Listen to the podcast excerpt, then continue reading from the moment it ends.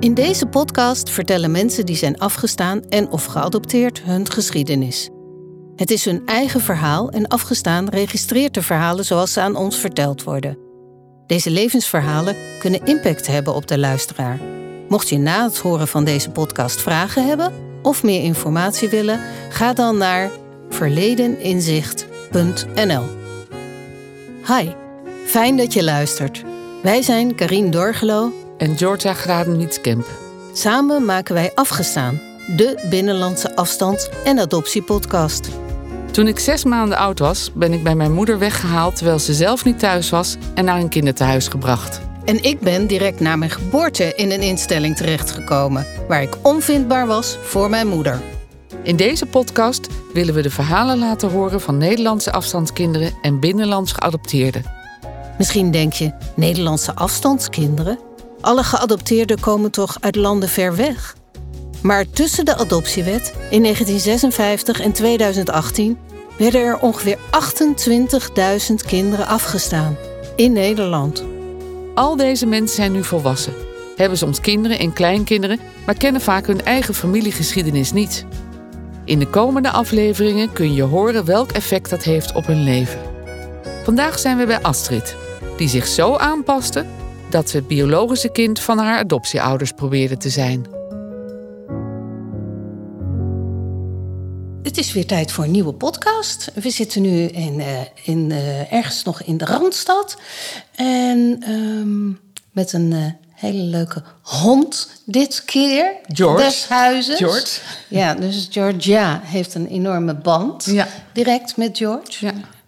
Ja. Um, dus voor jou ook wel eens leuk, hè? Het is ook wel fijn, is. na al die katten, dat we eens een keer een hond hebben. Ja, ja, ja. ja. wij houden dus van dieren, mensen, dat u dat vast weet. En we zijn op bezoek bij Astrid. En George hoort bij Astrid. Uh, Astrid, zou je jezelf kunnen voorstellen? Jazeker. Ik ben Astrid, geboren in het Dijkzicht ziekenhuis in 1970. Daarna ben ik naar het bosje verhuisd. En van daaruit uh, ben ik bij adoptieouders terechtgekomen in uh, Brabant. Kan jij vertellen wat het Bosje was? Bosje is een kinderthuis in Rotterdam aan de Heemraadsingel. En uh, daar woonde ik met uh, meerdere kinderen, wachtend op ouders die me meenamen, zeg maar. Ik ben daarvoor nog bij andere ouders geweest waarvan de vader overleed. En in die tijd mocht een vrouw niet alleen voor een kind zorgen. Dus ik ben daarom weer teruggebracht naar het kinderthuis. En waarom kon je daar niet blijven? Omdat die man was overleden. En een vrouw alleen mocht niet voor een kind zorgen in die tijd. Dan praat je over 1970. Oké, okay, en dat is nog uh, in de tijd dat jij uh, pleegkind, pleegkind was. was. Ja, en dan moest je het een jaar samen verzorgd hebben. En daarna mocht je pas de adoptieprocedure starten. En omdat in die tijd de man is, des huizes is overleden, ja. moest je terug naar, moest ik het, terug. naar het bosje. Ja. Jeetje, wat een verhaal. Wow. Ja. En toen in december ben ik in het huis van mijn, uh, bij mijn ouders terechtgekomen. Ja. Uh, ik ben opgegroeid in Brabant, in een warm, gezellig gezin. Met nog een jonger broertje, ook geadopteerd.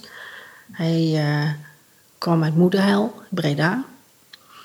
En uh, ja, er werd niet zoveel over adoptie gesproken, eigenlijk niet.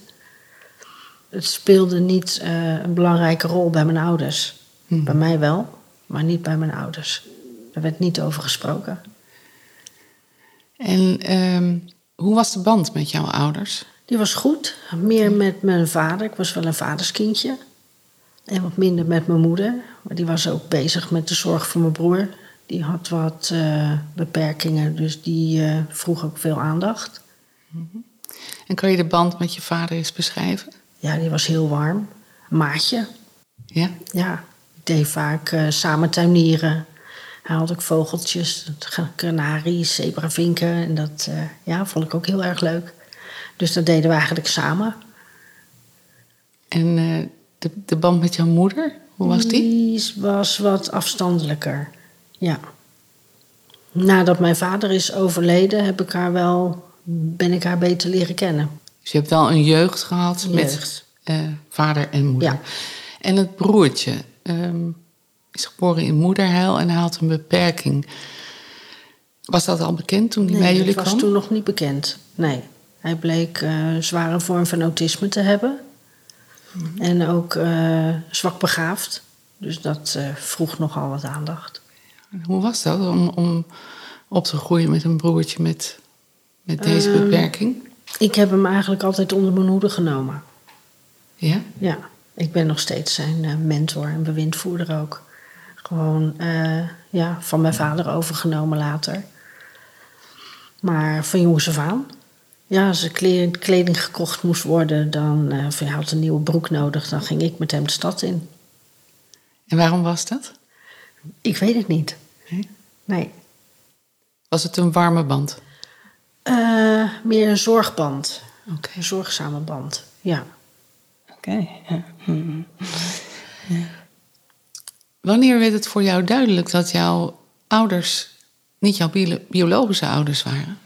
Nou, dat was eigenlijk al heel jong.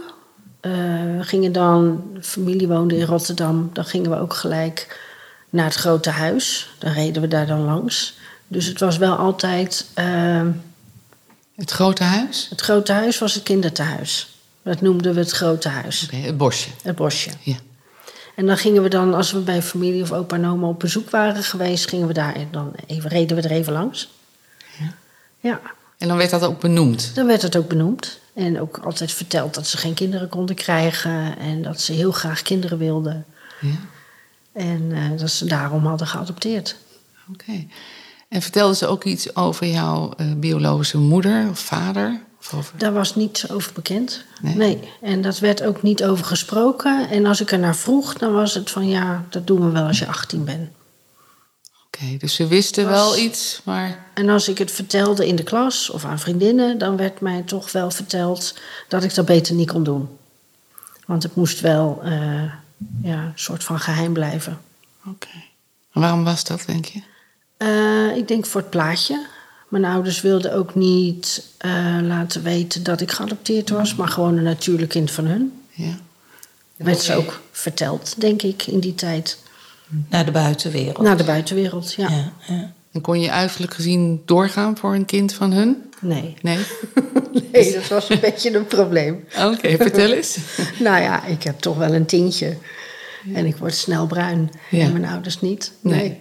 Dat is echt maar Hollands glorie. Kwamen daar wel eens opmerkingen over? Eh, jawel, jawel. Ja. en dan vertelde ik het ook. En dan kan je het beter niet doen volgens mijn vader en moeder. Dan moest ik gewoon mijn mond houden. Vervelend, ja. Want ik voelde wel een soort remming daarin. Je mag, je mag dan in feite ook jezelf niet zijn. Want je moet een, bi- een biologisch kind van je ouders zijn, terwijl je dat niet bent. Dus dat vond ik altijd wel een lastige. Nou, ik heb er met ooms en tantes. Een tante heb ik toen nog gebeld. Dat is een schoonzusje van mijn moeder. Een beetje over vroeger ook. Van je adoptiemoeder? Ja. Ja. Eh, een beetje verteld over hoe het ging. En dat ik het eh, nou, niet jezelf mogen zijn. En nou, puntje bepaaltje is het dan toch van... Ja, maar voor je moeder was het ook niet makkelijk. Die kennen we. Die kennen we heel goed. dan denk ik, ja. Er wordt dan weer voorbij gegaan aan, aan hoe het voor de adoptiekind Ja. is, eigenlijk. Ja. ja, meer een reden om eh, heel duidelijk eh, dat proces van verwerking eh, van kinderloosheid eh, aan te gaan voordat je kinderen aanneemt. Of, En een adoptie lost je het probleem natuurlijk niet op. Nee. nee. nee, het plaatje wel. Plaatje wel. Het plaatje is dan kloppend. Alleen, eh, nee, het blijft natuurlijk een beetje geknutseld.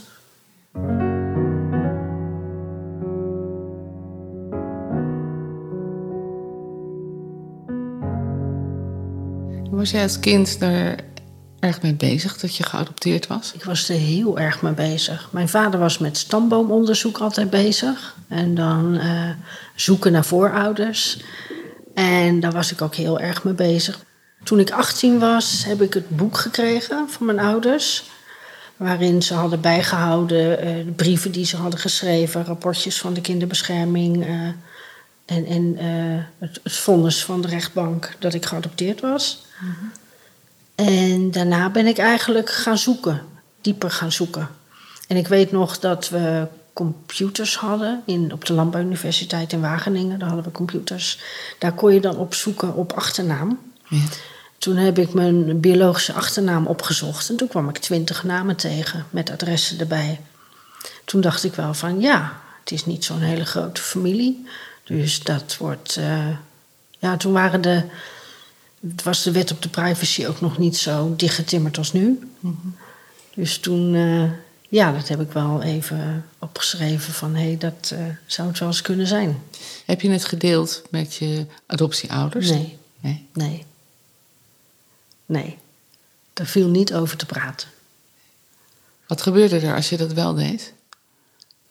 Nou, je kreeg geen antwoorden op vragen. Dus op den duur vraag je het ook niet meer. En hoe voelde dat dat je dat dan alleen deed? Best wel eenzaam, denk ik. Ja. Ja.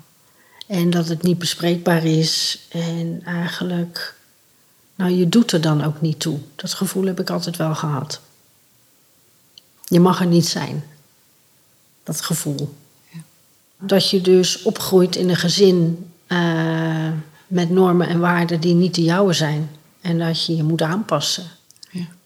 En dat je op den duur denkt, zeker nu mijn moeder in het verzorgingshuis zit en mijn vader is overleden, van ja, wat zijn mijn normen en waarden eigenlijk? En wat is voor mij belangrijk? Dat weet je dan eigenlijk niet, want je hebt je altijd gericht op de ander en nooit op jezelf. Dat was niet belangrijk. Je moest voldoen aan de standaarden van mijn ouders. Had je het gevoel dat je je steeds terug moest houden? Ja, ik heb me geremd gevoeld. Ook met studie bijvoorbeeld. Mijn vader zat in de zorg. En wilde ook graag dat ik in de zorg ging. Heeft nog de ouderenzorg was zijn eh, tak van sport, zeg maar. Ja. En eh, nou, dat, dat lag mij niet. Ik wilde bouwkunde studeren. Ik was heel technisch. Alleen, ja, dat was niks voor meisjes. Dus dat, dat mocht niet. En ik heb me daarin geremd gevoeld. En op een gegeven ogenblik heb ik ook maar gezegd... nou, dan, dan zoeken jullie maar een studie voor me uit. Dat is ook voldoen aan het ideale plaatje, denk ik. Op den duur ga je denken, ja, eh, wat voor kind zou eruit gekomen zijn als die twee wel kinderen hadden gehad. En dan moet ik daar dan maar op gaan lijken. ja. Dus Zo dan ver, probeer je zo ver gaat dat dus. Dat ja. eh, na te streven. Om maar niet op te vallen ook. Dat is een onmogelijke opgave. dat is onmogelijk. Dat gaat ook niet. Nee. Toen ben ik gaan werken. Oké. Eerst Als- in een ziekenhuis, bij de facilitaire dienst of hoteldienst. Ik heb nog bij een eh, school gewerkt, Hogeschool Rotterdam. En daarna, ja, toen werd ik zwanger en ben ik voor de kinderen gaan zorgen. En toen ben ik thuis gebleven, want ik zorgde wel zelf voor, op die manier. Toen je ging trouwen, heb je je geboorteakte opgevraagd. Ja, Dat was het eerste moment dat je eh, de naam van jouw biologische moeder zag. ja klopt. En ook de naam eh, van degene die me heeft aangegeven. En dat bleek, heb ik wel opgezocht. Dat bleek de leerlingverpleegkundige te zijn van het ziekenhuis. Die heb ik later nog gebeld. En die vertelde mij, ze zegt als ik jou heb moeten aangeven, dat betekent dat er geen familie bij was. Dus dat ze het alleen heeft moeten doen. Dat er niemand bij was bij de bevalling. Dat was die leerlingverpleegkundige. Dat was de leerlingverpleegkundige van En toen. kon ze zich jou nog herinneren? Nee, nee. Maar nog wel verteld dat het de bovenste verdieping van het ziekenhuis was. De negende of de tiende verdieping. Bovenin. Eh, ja, dat soort dingen heeft ze mij toen verteld. Heb je ook gevraagd of het vaker voorkwam? Het kwam niet heel vaak voor. Vaak was er nog wel familie bij. Ja. En er stond ook de naam van jouw moeder.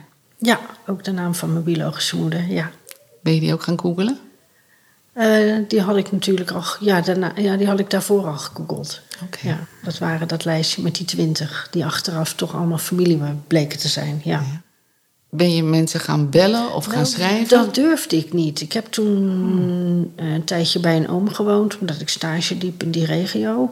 En toen liep ik langs een huisnummer of een huis in de straat waar ook die naam voorkwam. Maar ik heb nooit aan durven bellen. Nee? Nee. Nee. En had je een diepe wens om je moeder te leren kennen, je biologische moeder? Ja, ja dat had ik wel. Ja. Maar je denkt als je aan het studeren bent van nou, ik ben nu aan de studie, dat vraagt veel energie van je. Doe maar daarna, als ik klaar ben. En dan ben je klaar en dan denk je nou eerst maar even die baan. Ja. En dan heb je de baan en denk je nou maar even, eerst even settelen. En dan ben je gesetteld en dan kan het eigenlijk pas. ja. Ja, ik had een oud adres uit de papieren waar ze toen woonde. En dat heb ik eh, aan FIOM doorgegeven. Want ik heb het contact via FIOM gedaan.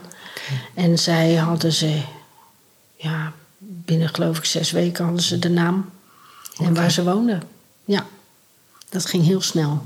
Ze bleek tegenover de ouderlijk huis te wonen. Hoe oud was jouw moeder toen jij, ge- 33. toen jij geboren werd? Ja, En ze woonde nog bij haar en ze ouders? woonde nog bij de ouders. Oké. Ja, Oké. En je bent het eerste kind van je dat moeder? was het eerste kind, ja. Ze dacht heel lang dat het een griepje was.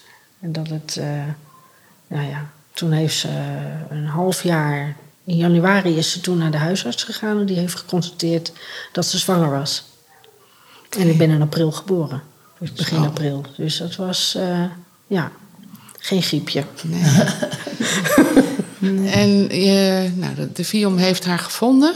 En wat gebeurde er toen vervolgens? Eh, ik heb een gesprek gehad. Ja, dat heb ik weer uitgesteld omdat ik toen zwanger was van mijn oudste dochter. Eh, dat was een heel kil, koud gesprek. De FIOM die heeft haar benaderd. Ja, via een anonieme brief. En heeft ze daar direct op gereageerd? Eh, ze hebben drie brieven moeten sturen. Ja, niet gelijk. Nee. Want haar man bleek van niks te weten. Oh, ja. Dat is ook allemaal geheimzinnig. ja. Ja. Dus pas bij de derde brief Ja, heeft ze gereageerd. heeft ze gereageerd. En Ja. toen hebben we een keer een afspraak gemaakt dat ze een smoesje had bij de man. eh, tegen de man gezegd dat ze naar het ziekenhuis moest voor een onderzoekje, een controleafspraak. En eh, zo heeft ze toen mij ontmoet. Kan je die ontmoeting eens beschrijven? Wil je dat? Ja, dat was eh, een koud gesprek eigenlijk. Ja.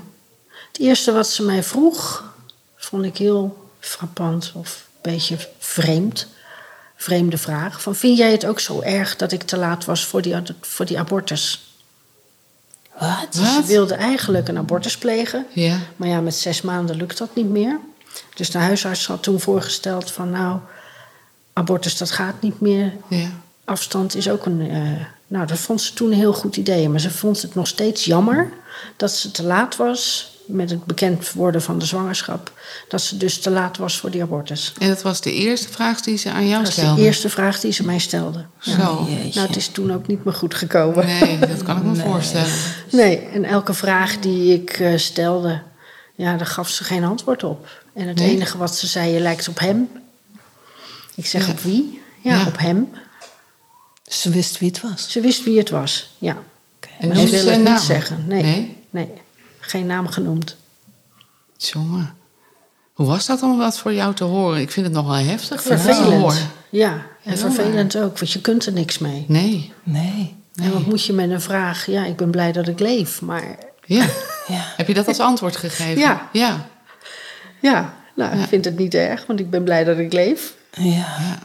En ik heb een goed leven. En, en ja, wat moet je daarmee? Je had zelf een kind. Je hebt Ik had zelf net net zelf een dochter gekregen, dus Ja. die was toen een half jaar oud, denk ik. En hoe reageerde ze daarop, dat jij al moeder was? Eh, ik had foto's van mezelf meegenomen uit die tijd. Ja. Dus mijn eigen kinderfotoalbum. En telkens vroeg ze, eh, is dat je dochter? Ik zeg, nee, dat ben ik. Ja. Maar ze wilde ook niet inzien, zeg maar, dat ik het was op die foto's. Dat kon ze niet zien. Op de een of andere manier. ja, want je zegt net, ze wilde niet. Maar wilde ze het niet of denk je dat ze het niet kon? Ik weet het niet. Ik denk dat het toen nog niet kunnen was. In het eerste gesprek. Ja. Ik heb totaal drie gesprekken met haar gehad toen in die tijd. Ja. En die liepen allemaal op niets uit. En toen woonde er mijn halfbroer, haar zoon, nog thuis. Dus ik dacht, ik moet even wachten tot die zoon eh, klaar is met zijn studie. En eh, Ja. ja, die studeerde toen nog. Eh, en dan het huis uit is. En dan pas kan je verder, verder zoeken. ja Dus ook- ik heb weer een paar jaar gewacht en toen die halfbroer opgezocht. Mhm. Ja, die, die, die wist ook van niks. Hoe heb je dat gedaan? Via de Vion. Ook de vier. Ook de Vion, ja. Dus je moeder had in de tussentijd niet verteld. Nee, die had niets verteld. Dus Nee. dat viel nogal rauw op zijn dak. Ja. We hebben toen wel contact gehad, maar is ook eigenlijk stuk gelopen. Mhm. Ik denk ook andere levensfase. Ik had in die tijd al twee kinderen en eh, die jongens die ging al bijna naar het middelbaar. Mhm. En hij had toen nog geen kinderen. Mhm. En eh, toen hij zelf een zoontje had gekregen, of een kind had gekregen, toen heeft zijn vrouw contact opgenomen. Oh. Of gezegd van, joh, zou je niet eens contact opnemen, want eh, ja, het lijkt mij wel belangrijk. Ja. En zo is dat weer gaan rollen. En hoe was dat? Na zo'n tijd? Ja, ik vond het fijn. Ja. En je herkent dan toch wel weer eh, uiterlijke kenmerken van het kindje wat zij dan hebben. Oh, je, ja. dezelfde oogjes. Ja.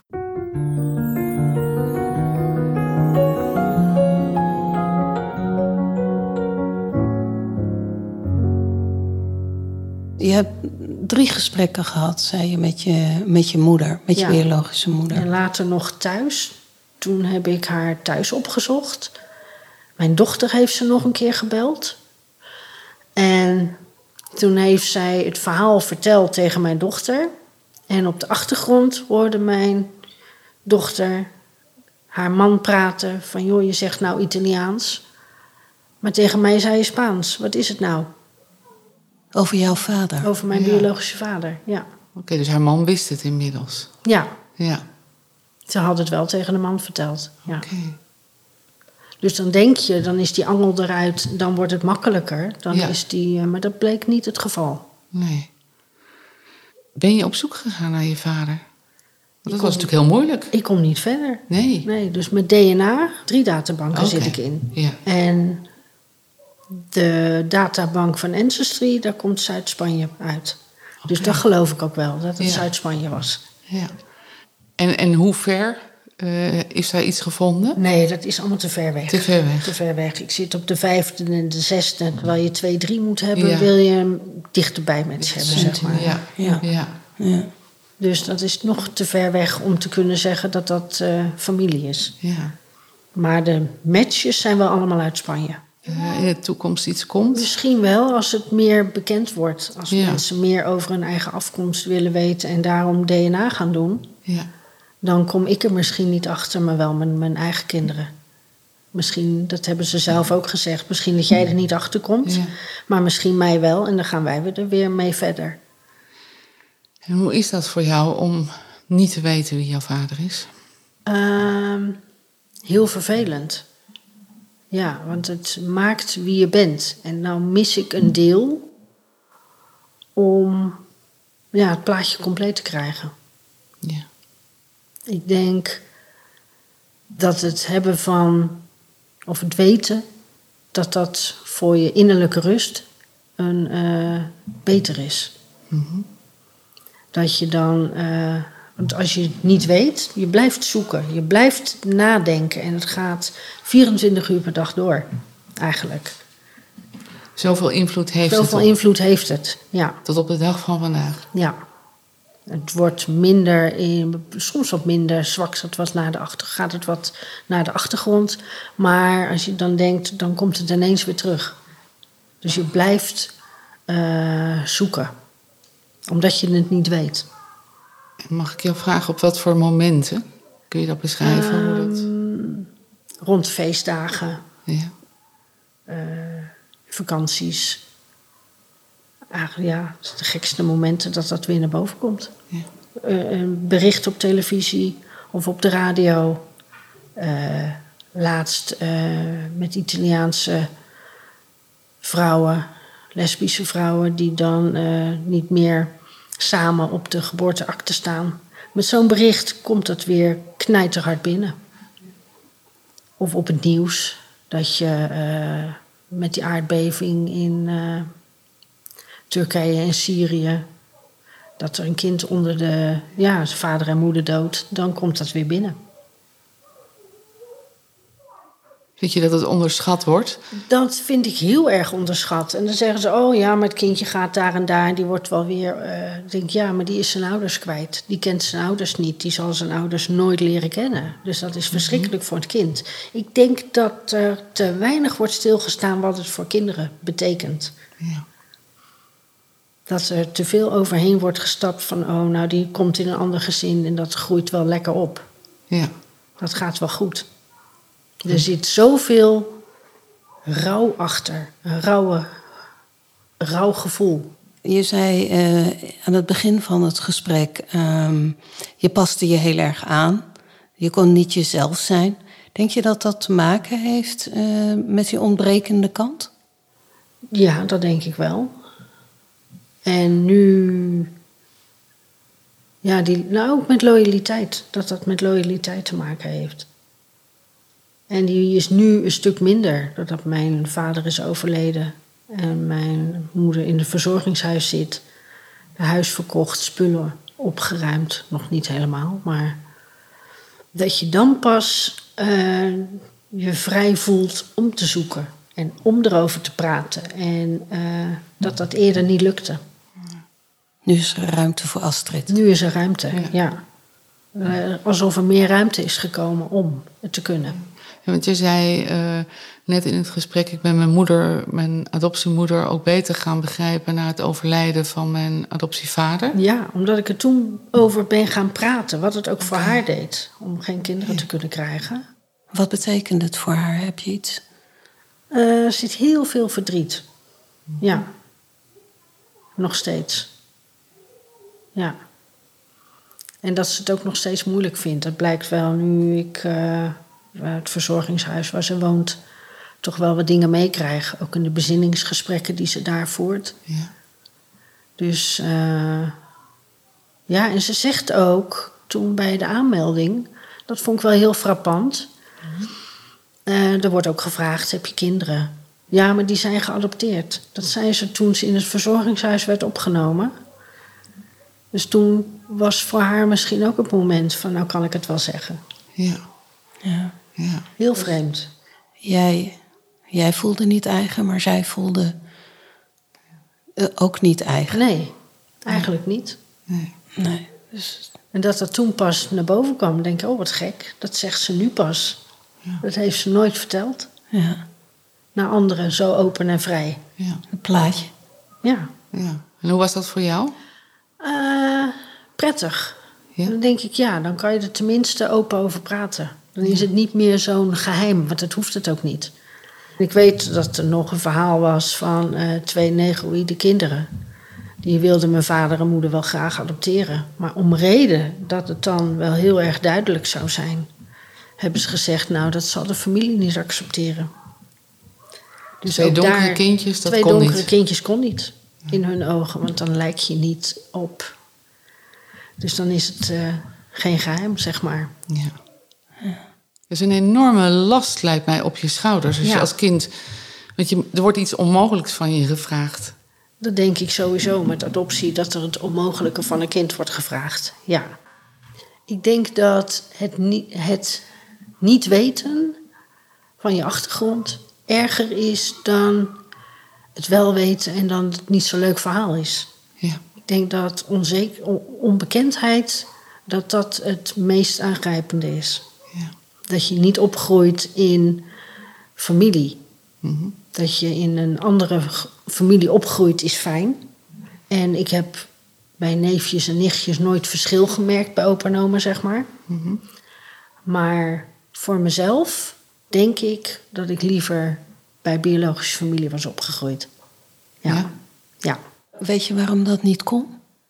Eh, ik heb later begrepen, via een zus en een broer van mijn biologische moeder, dat zij, als ze het geweten hadden, ik dat wel bij een oom of tante in huis had gekund. Ook al maakt dat het ook weer lastiger. Want dan ga je eh paar ma zeggen tegen oom en tante, terwijl je moeder dan je tante Ja. is. Want jij zei net, jouw moeder was 33. Ja. Ehm, ze woonde nog thuis. Eh, heeft ze het geheim gehouden? Ja. En waarom? Want voor iemand van 33 Zij heeft heel veel moeite gedaan om het geheim te houden. Ja, En weet je waarom? Eh, voor de buitenwereld. Haar vader was ook met vrijwilligerswerk in de weer. En eh, ja, dat mocht ook niet bekend worden. Binnen zijn, eh, binnen zijn werkkring. En was dat, want jij bent geboren in 1970. Eh, was dat toen nog zo? Kennelijk, Ja. ja. Maar ze was heel lang, eh, wist ze zelf niet dat ze zwanger was. En in de laatste maanden heeft ze het dus geheim gehouden. Ja. Ja. en daar heeft ze moeite voor gedaan. Want als eh, broers in het ziekenhuis op visite kwamen, ging ze helemaal met de knieën zeg maar, opgetrokken zitten om maar niet te laten merken dat ze zwanger was. En dan had ze gezegd, omdat ze wat eh, dikker was geworden, dat het aan de nieren lag. Dat ze vocht vasthield. Ja. Jongen. Dus je hebt een broer en zus van je moeder gevonden. Hoe Ja. heb je die gevonden dan? Eh, had ik weer contact gezocht met Fion. Maar die zeiden op een gegeven ogenblik van... joh, eh, we hebben je moeder opgezocht en je broer... doe deze maar zelf. Je weet inmiddels hoe het werkt. Maar Oh. ik zei van ja, die weten van niks. Dus ja, als ik ze ga bellen, hoe, hoe, hoe en wat dan? Maar ja, toen ging ik dus bellen. Toen kreeg ik het antwoordapparaat, want ze waren een weekje op vakantie. Dus toen heb ik eh, ja, iets ingesproken. Ik weet ook niet meer wat. Maar gewoon verteld wie ik was en eh, of ze even contact op wilden nemen. Dat hebben ze ook gedaan na de vakantie. Toen hebben ze gebeld. Toen was ook mijn moeder net op bezoek. Oh, jouw adoptiemoeder was bij jou op bezoek. Toen zij belde en die wilde er in die tijd... mm, Ja, die vond het allemaal maar niks. Toen de tijd nog. Nog steeds niet, trouwens. Eh, ik moest maar geen contact zoeken en eh, het was het allemaal niet waard. En eh, je haalt zoveel overhoop, dus doe het maar niet. En ik dacht, ja, ik wil juist dingen weten, dus ik doe het wel. En toen net zij op bezoek was, belde dus een biologische oom van mij, die belde naar mij. Die belde terug van, joh, je staat op het antwoordapparaat. Ja. En toen heb ik dus verteld dat ik geadopteerd was. Een dochter was van zijn zus. En ja, dat, dat snapte hij niet, want dat, was, dat wist hij helemaal niet. En hoe kan dat nou? En toen heb ik wat dingen verteld over die periode. Dat hij wel dacht van, hé hey, ja, ze weet toch wel zoveel informatie. Dat moet toch wel juist zijn. Dat is natuurlijk voor die man ook een enorme, Enorme schok. schok. Ja. Enorme schok. Ook al iemand op leeftijd toen.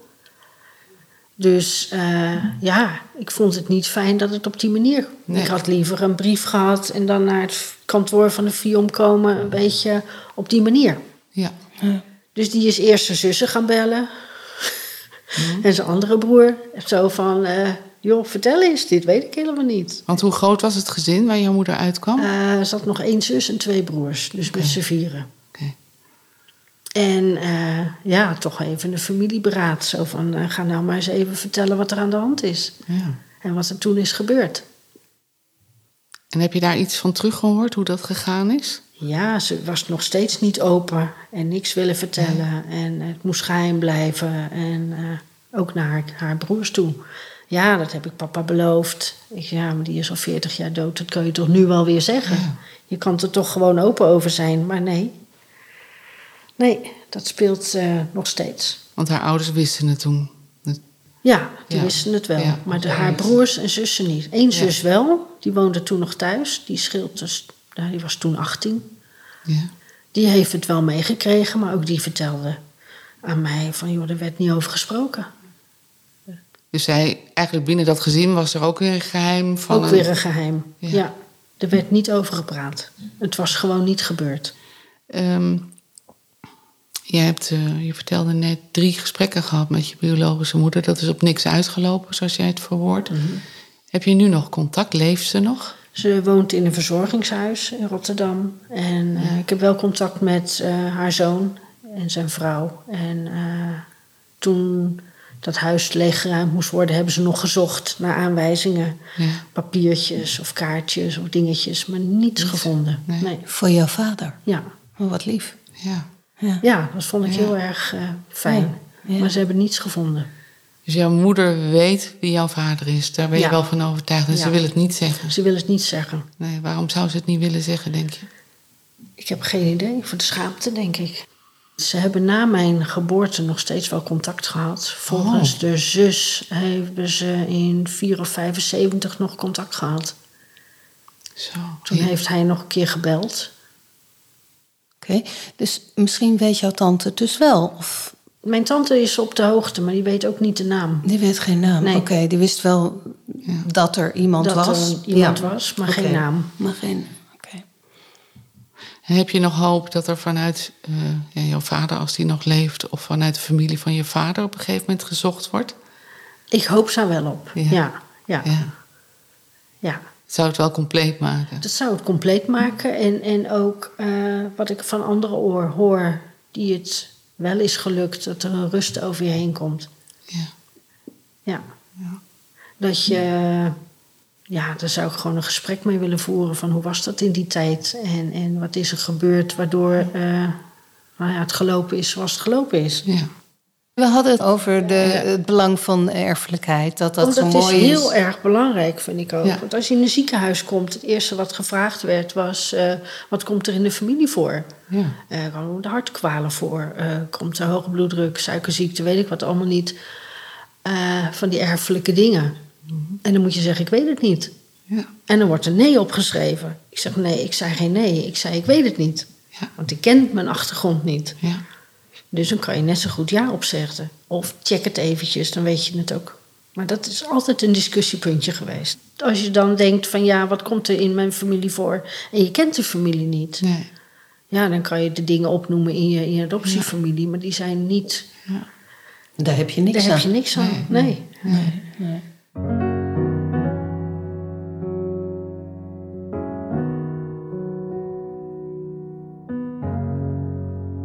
feit dat jij ehm, afgestaan en geadopteerd bent, werkt dat ook door in, in, in jouw kinderen? Zie je Ik ben daar iets? heel bang voor geweest dat ik mijn trauma, wat ik wel heb, door heb gegeven. Maar volgens mijn kinderen niet. Nee? Zeker de oudste heb ik daar wel heel veel gesprekken over. En die zegt van niet. Nee, die, die is ook vrij en die doet ook eh, wat ze doet. Zonder ba- ballast, zeg maar. Een moeilijke vraag, maar wat is jouw trauma? Ik heb. ehm, als ik trauma omschrijf, is het. Ik schrik snel van geluiden. Dat had ik al toen ik in het gezin bij mijn ouders thuis kwam. Ik was eh, heel schrikachtig. Als er een straaljager overvloog, dan eh, werd ik eh, nou, gillend naar binnen. En ik kon me niet hechten aan mensen, wel aan dingen. En eh, ik was in mezelf dichtgeslagen, zo staat ook in de papieren. Maar er is alleen nooit iets mee gedaan. Het was gewoon van ja, zo is ze. En terwijl ik denk van ja, dat is toch gewoon iets wat niet helemaal klopt natuurlijk. En daarna kwam er een periode van juist over, du- dus juist aanklampend. En Ja. vanaf het moment dat ik ging praten, dus was ik 2,5, 3, dat ik duidelijk kon aangeven wat er aan de hand was, toen werd dat minder. Ja. Dus ik denk dat daar wel eh, iets zit wat nooit behandeld is, maar wat wel is doorgeëpt naar het nu. In het kinderthuis is luminal toegediend om maar rustig te houden. Dat was in die tijd eh, gebruikelijk. Wat was luminal? Luminal was eigenlijk een middel tegen epilepsie. Ja, Met als bijwerking dat je slaperig werd. ja. En ze gaven dus luminal in, in, in kinderthuizen om, om kinderen maar... eh, nou ja, als je een grote groep kinderen hebt, dan gaat er eentje huilen... en dan gaan ze natuurlijk allemaal... En, en hoe weet jij dat? Dat stond in de... In een, ik heb toen bij de kinderbescherming het rapport opgevraagd. Niet helemaal compleet, maar er zaten wat brieven in... eh, nou, dat het niet zo lekker met me ging. Ja. Eh, en dat de arts van de, het kinderthuis, er was een kinderarts, die had luminal Dus voorgeschreven. dat heb jij echt op papier dat Op jou papier, toegediend is. Dat, is best toegediend. heel bijzonder. Nou, dat het recept is voorgeschreven. Oké. Ja. Ja. Dan kunnen we er bijna van uitgaan dat je het ook gekregen ja, hebt. dan kun je ervan Ja. uitgaan. Dat was bij die, eh, dat onderzoek nog wel een dingetje. Van ja, als er een recept is, wil niet zeggen dat je het ook gekregen hebt. Als je afgestaan wordt, dat is niet jouw keus. En als er dan ook nog zo gerommeld met je wordt, dan wordt er liminaal toegediend. Ja, om, om je rustig te houden, terwijl het eigenlijk niet nodig is. Gewoon wat meer aandacht zou misschien ook de oplossing geweest zijn. Ja. En wat meer knuffelen en wat meer, eh, ja, Contact. gewoon. Contact. Menselijk contact, ja. Nou ja, weet je, ik vraag het omdat ehm, heel veel mensen hebben dit gehoord. Hè, dat in het tehuis waar ze verbleven, dat er druppeltjes in de melk werd gedaan. Soms was het meleriel, in dit geval luminal, wat jij gekregen hebt. Maar bewijs is er haast niet te vinden, want Nee. dat werd niet gerapporteerd. Het wordt niet gerapporteerd. Het was één zinnetje Dus is- in een verslag. Ja, dat dat, ze wel, dat, eh, dat, dat, dat was, nou ja, toch wel prettig dat ze dat erin hadden gezet. Als je zegt, ik ben geadopteerd en ik heb daar last van... Ja. dan is er niet een, een programma voor... Ja, we hebben wat gesprekken gehad bij de FIOM. Vijf keer. En ik heb een coachingsgesprek gehad... Dat was meer gericht op mantelzorg. Omdat ik toen met de zorg voor mijn moeder zat. En met ook op den duur geen raad meer wist. Het feit dat jij eh, geen eh, bloedband had met je moeder kwam naar voren. Ja. In die mantelzorggesprekken. Hoe kwam dat naar voren? Nou, ik, ik, ik had natuurlijk geen werk. De WMO zei daardoor van, nou jij kan het leuk doen. Dus wij hoeven geen hulp te geven. Op den duur heb ik gezegd, eh, ja, als ik een baan zou hebben, dan eh, zouden ze dus wel hulp geven van de WMO. Maar ja, op den duur zat ik er zo in en te veel werd te veel gewoon.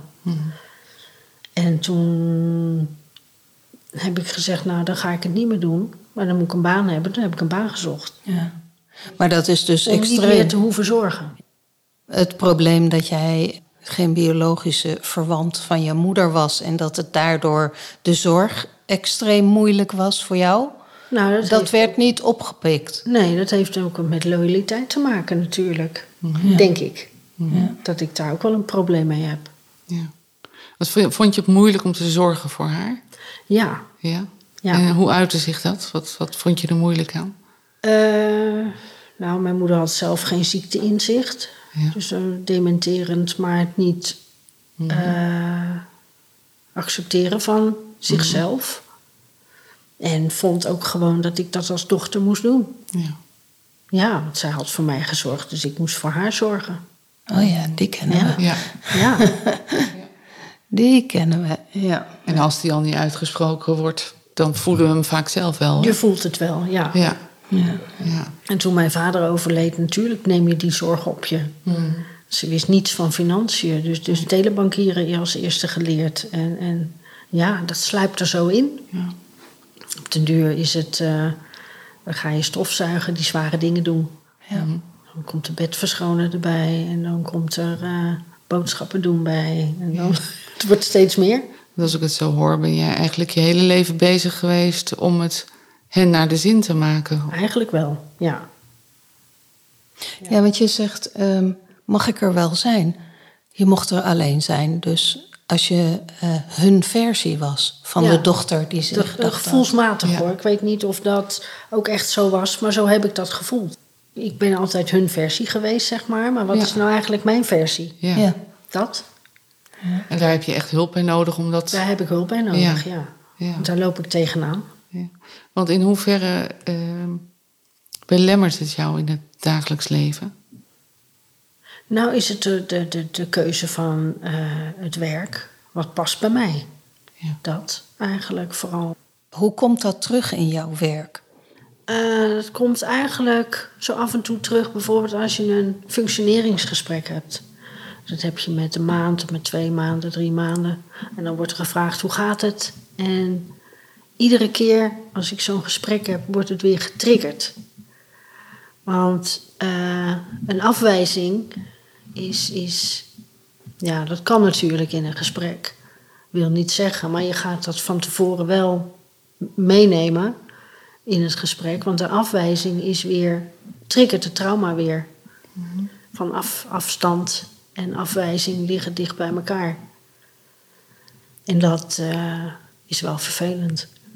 Voel je je dan als persoon afgewezen als je Ja. werk niet goed beoordeeld wordt? Ja, Ja. dat gaat heel diep. Ja. Ja. Mag ik er zijn ook als medewerker? Dat gaat diep. Dus het speelt niet alleen in je privéleven van mag ik er zijn? Van ik ben afgestaan, dus niet gewenst. Mag ik er zijn? Maar dat gaat ook in de, op de werkvloer van mag ik er zijn als medewerker? Dus dat heeft invloed ook op de manier waarop je werkt. Ja. Ja, ik denk het wel.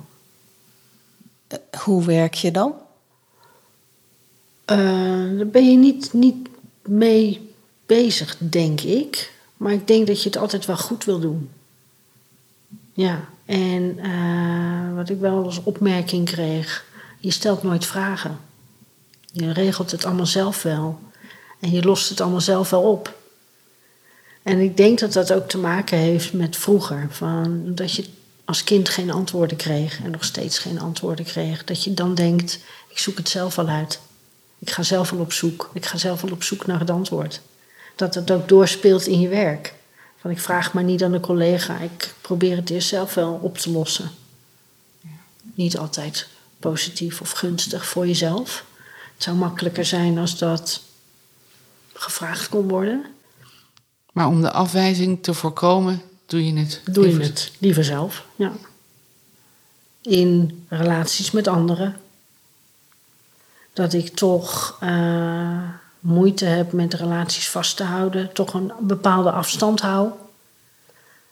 Niet dichtbij komen, zeg maar. Kan je dat eens beschrijven? Nou, het kringetje is klein, laat ik het zo zeggen. Ik laat niet gauw mensen toe. Nee. En waar komt dat vandaan? Ik denk dat het te maken heeft met het geheim. Er niet over praten. Niet over kunnen praten, niet over durven praten. Dat dat er zo ingeprent is dat je daar eh, voorzichtiger op je hoede bent. Ja. Het is een, een ballast die ik eh, met me meezul, zeg maar. En Ja. daar dat niet meer wil. Stel dat ik in Spanje was opgegroeid. Ja. Of stel dat ik eh, bij biologische familie was opgegroeid. ja. Ja, dan zouden ze zeggen, ja, dan zou je misschien niet gestudeerd hebben. Ik denk het juist wel. Ja. Maar ik denk wel dat ik gelukkiger geweest zou zijn. Ja. Ja. Niet ten nadele van mijn eh, adoptiefamilie. want Dat is echt een warme familie. Ook qua neven, nichten. Warme band. Maar ik denk dat ik gelukkiger en beter in mijn vel had gezeten dan, eh, dan nu het geval. Ja, En dan voornamelijk door het geheim. Als door het geheim. Ja. Ja, En niet kunnen zijn wie je bent. ja. Werkelijk bent. Ja. Iemand anders moeten Iemand zijn. anders moeten zijn. ja. Ja. Wanneer ben je nu, denk je, het meest jezelf? Eh, Met wie? Als ik met mijn kinderen ben en mijn man. Het gezin, ja. Nou, dat is ook het belangrijkste in mijn leven. Daar draait het om. Gezin, ja. Ja. Eigen gezin. Eigen gezin, ja. Ja. En die band is ook heel erg goed. Ja. Ik heb hele fijne gesprekken mee met mijn kinderen en met mijn man. Wat fijn. Dus eh, daar ben ik wel heel erg blij mee. Ja. Ja. Ben je wel eens in Spanje geweest? Ja, dat was in Barcelona. Je dan op de trappen van zo'n, eh, ja, voor de kerkgebouw zo'n grote trap. Ja. En dat daar alles buiten zich afspeelt. Dat er een muziekbandje is. eh, er zijn eh ja, goochelacts op straat. Dan denk je, ja, gewoon zitten en kijken. Is ontzettend mooi. Dan denk je, ja, hier zou ik dus wel... Ja, en dan die chocola, de melk met van die chiro's. ik voel Ja. me daar enorm thuis. Ja. Ja. ja. Word je ook aangesproken in het Spaans? Mijn dochter wordt aangesproken in het Spaans op het terrasje. Ja? ja, Dat vond ik wel heel frappant. Wat grappig. Ja. We hebben dezelfde tint. Ja. Ja. Ja. Dat, je bent Ja. niet anders dan de anderen.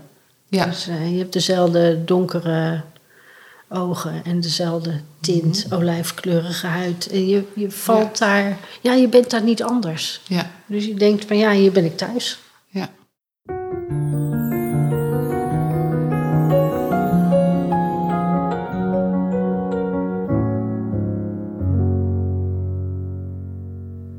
Is er iets wat je zou willen zeggen tegen andere afgestaan of geadopteerden? Uh, Goede raad of een. Zoek hulp, vooral. Als, je, als je vastloopt. Mhm. Ga naar de huisarts en uh, laat je doorverwijzen. En tegen een niet geadopteerde zou ik willen zeggen. Organisaties en instanties zoals de FIOM en de Raad van de Kinderbescherming hou geen informatie achter. Ik heb in het verleden uh, rapporten ontvangen met hele grote witte stukken ertussen. Ja. Is niet acceptabel. Nee. En, en onmenselijk. Dus, dus als mensen informatie vragen, geef ze die ook. Onmenselijk? Om te zeggen, ja, maar dat is niet interessant voor jou, dus dat hoef je niet te lezen. Ik vind dat, ja, onbegrijpelijk. Er wordt vaak gezegd dat dat in het kader van de AVG is, hè? de privacywetgeving. Ja, maar het gaat over ons. Dan kan je zeggen, ja, de, de, biologische familie moet beschermd worden. Maar nee, het kind moet beschermd worden. Ja. En dat kan je alleen maar door die informatie te geven en niks achter te houden. Dat is een, een fundamenteel recht om te weten wie je bent en waar je vandaan komt. Ja. Dus, dus hou geen informatie achter. Je zei net iets uh, over uh, wat er centraal staat in adoptie voor jou uh, en wat er niet centraal staat in adoptie.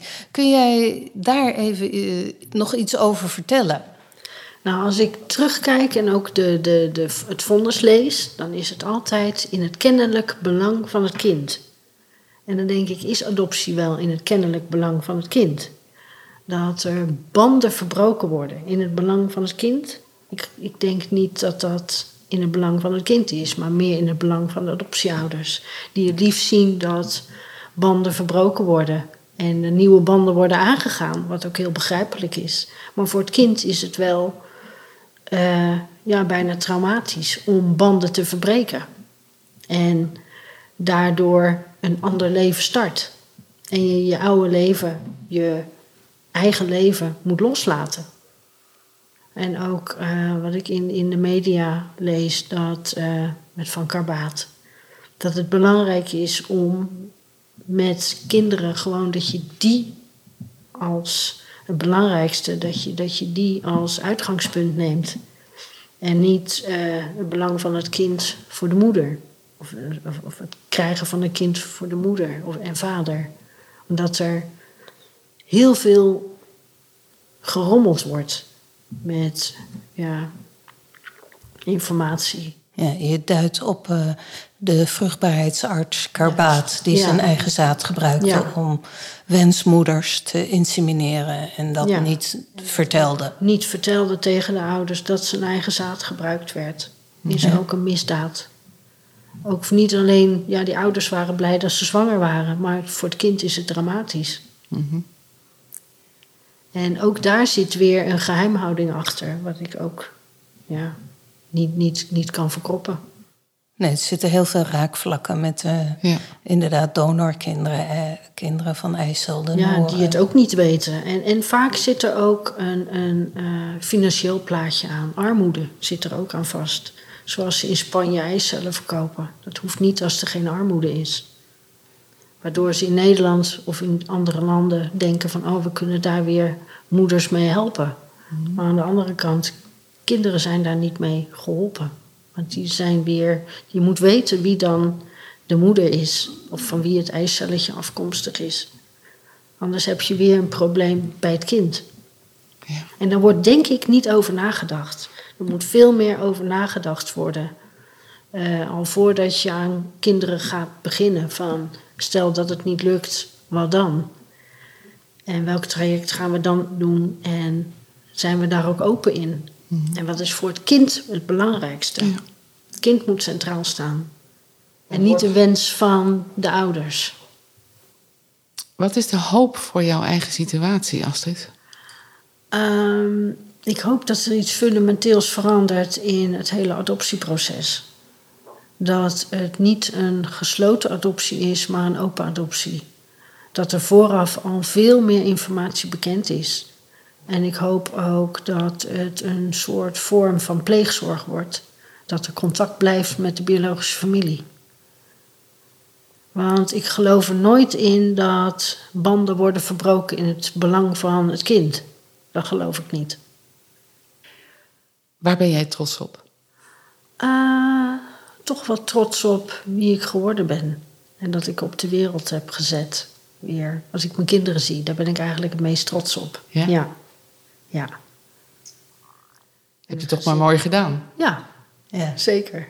Samen met mijn man natuurlijk. Maar ja, dan ben ik trots. En dan zeg ik toch maar van... Uh, dat heb ik toch maar mooi gedaan. Ook de opvoeding. Het zijn uh, maatschappelijk gerichte kinderen. Zorgzaam ook voor, voor de medemens. En uh, ja, mooie mensen. Wat fijn. En hoe mooi dat je dat dus niet doorgegeven hebt aan je kinderen. Ik vond het een fijn gesprek. Ja, ik heb alles uh, ja. kunnen vertellen. Heel fijn. Heel graag Mooi gedaan. gesprek. Ja, Dank je wel. En heel erg bedankt. Ontzettend bedankt.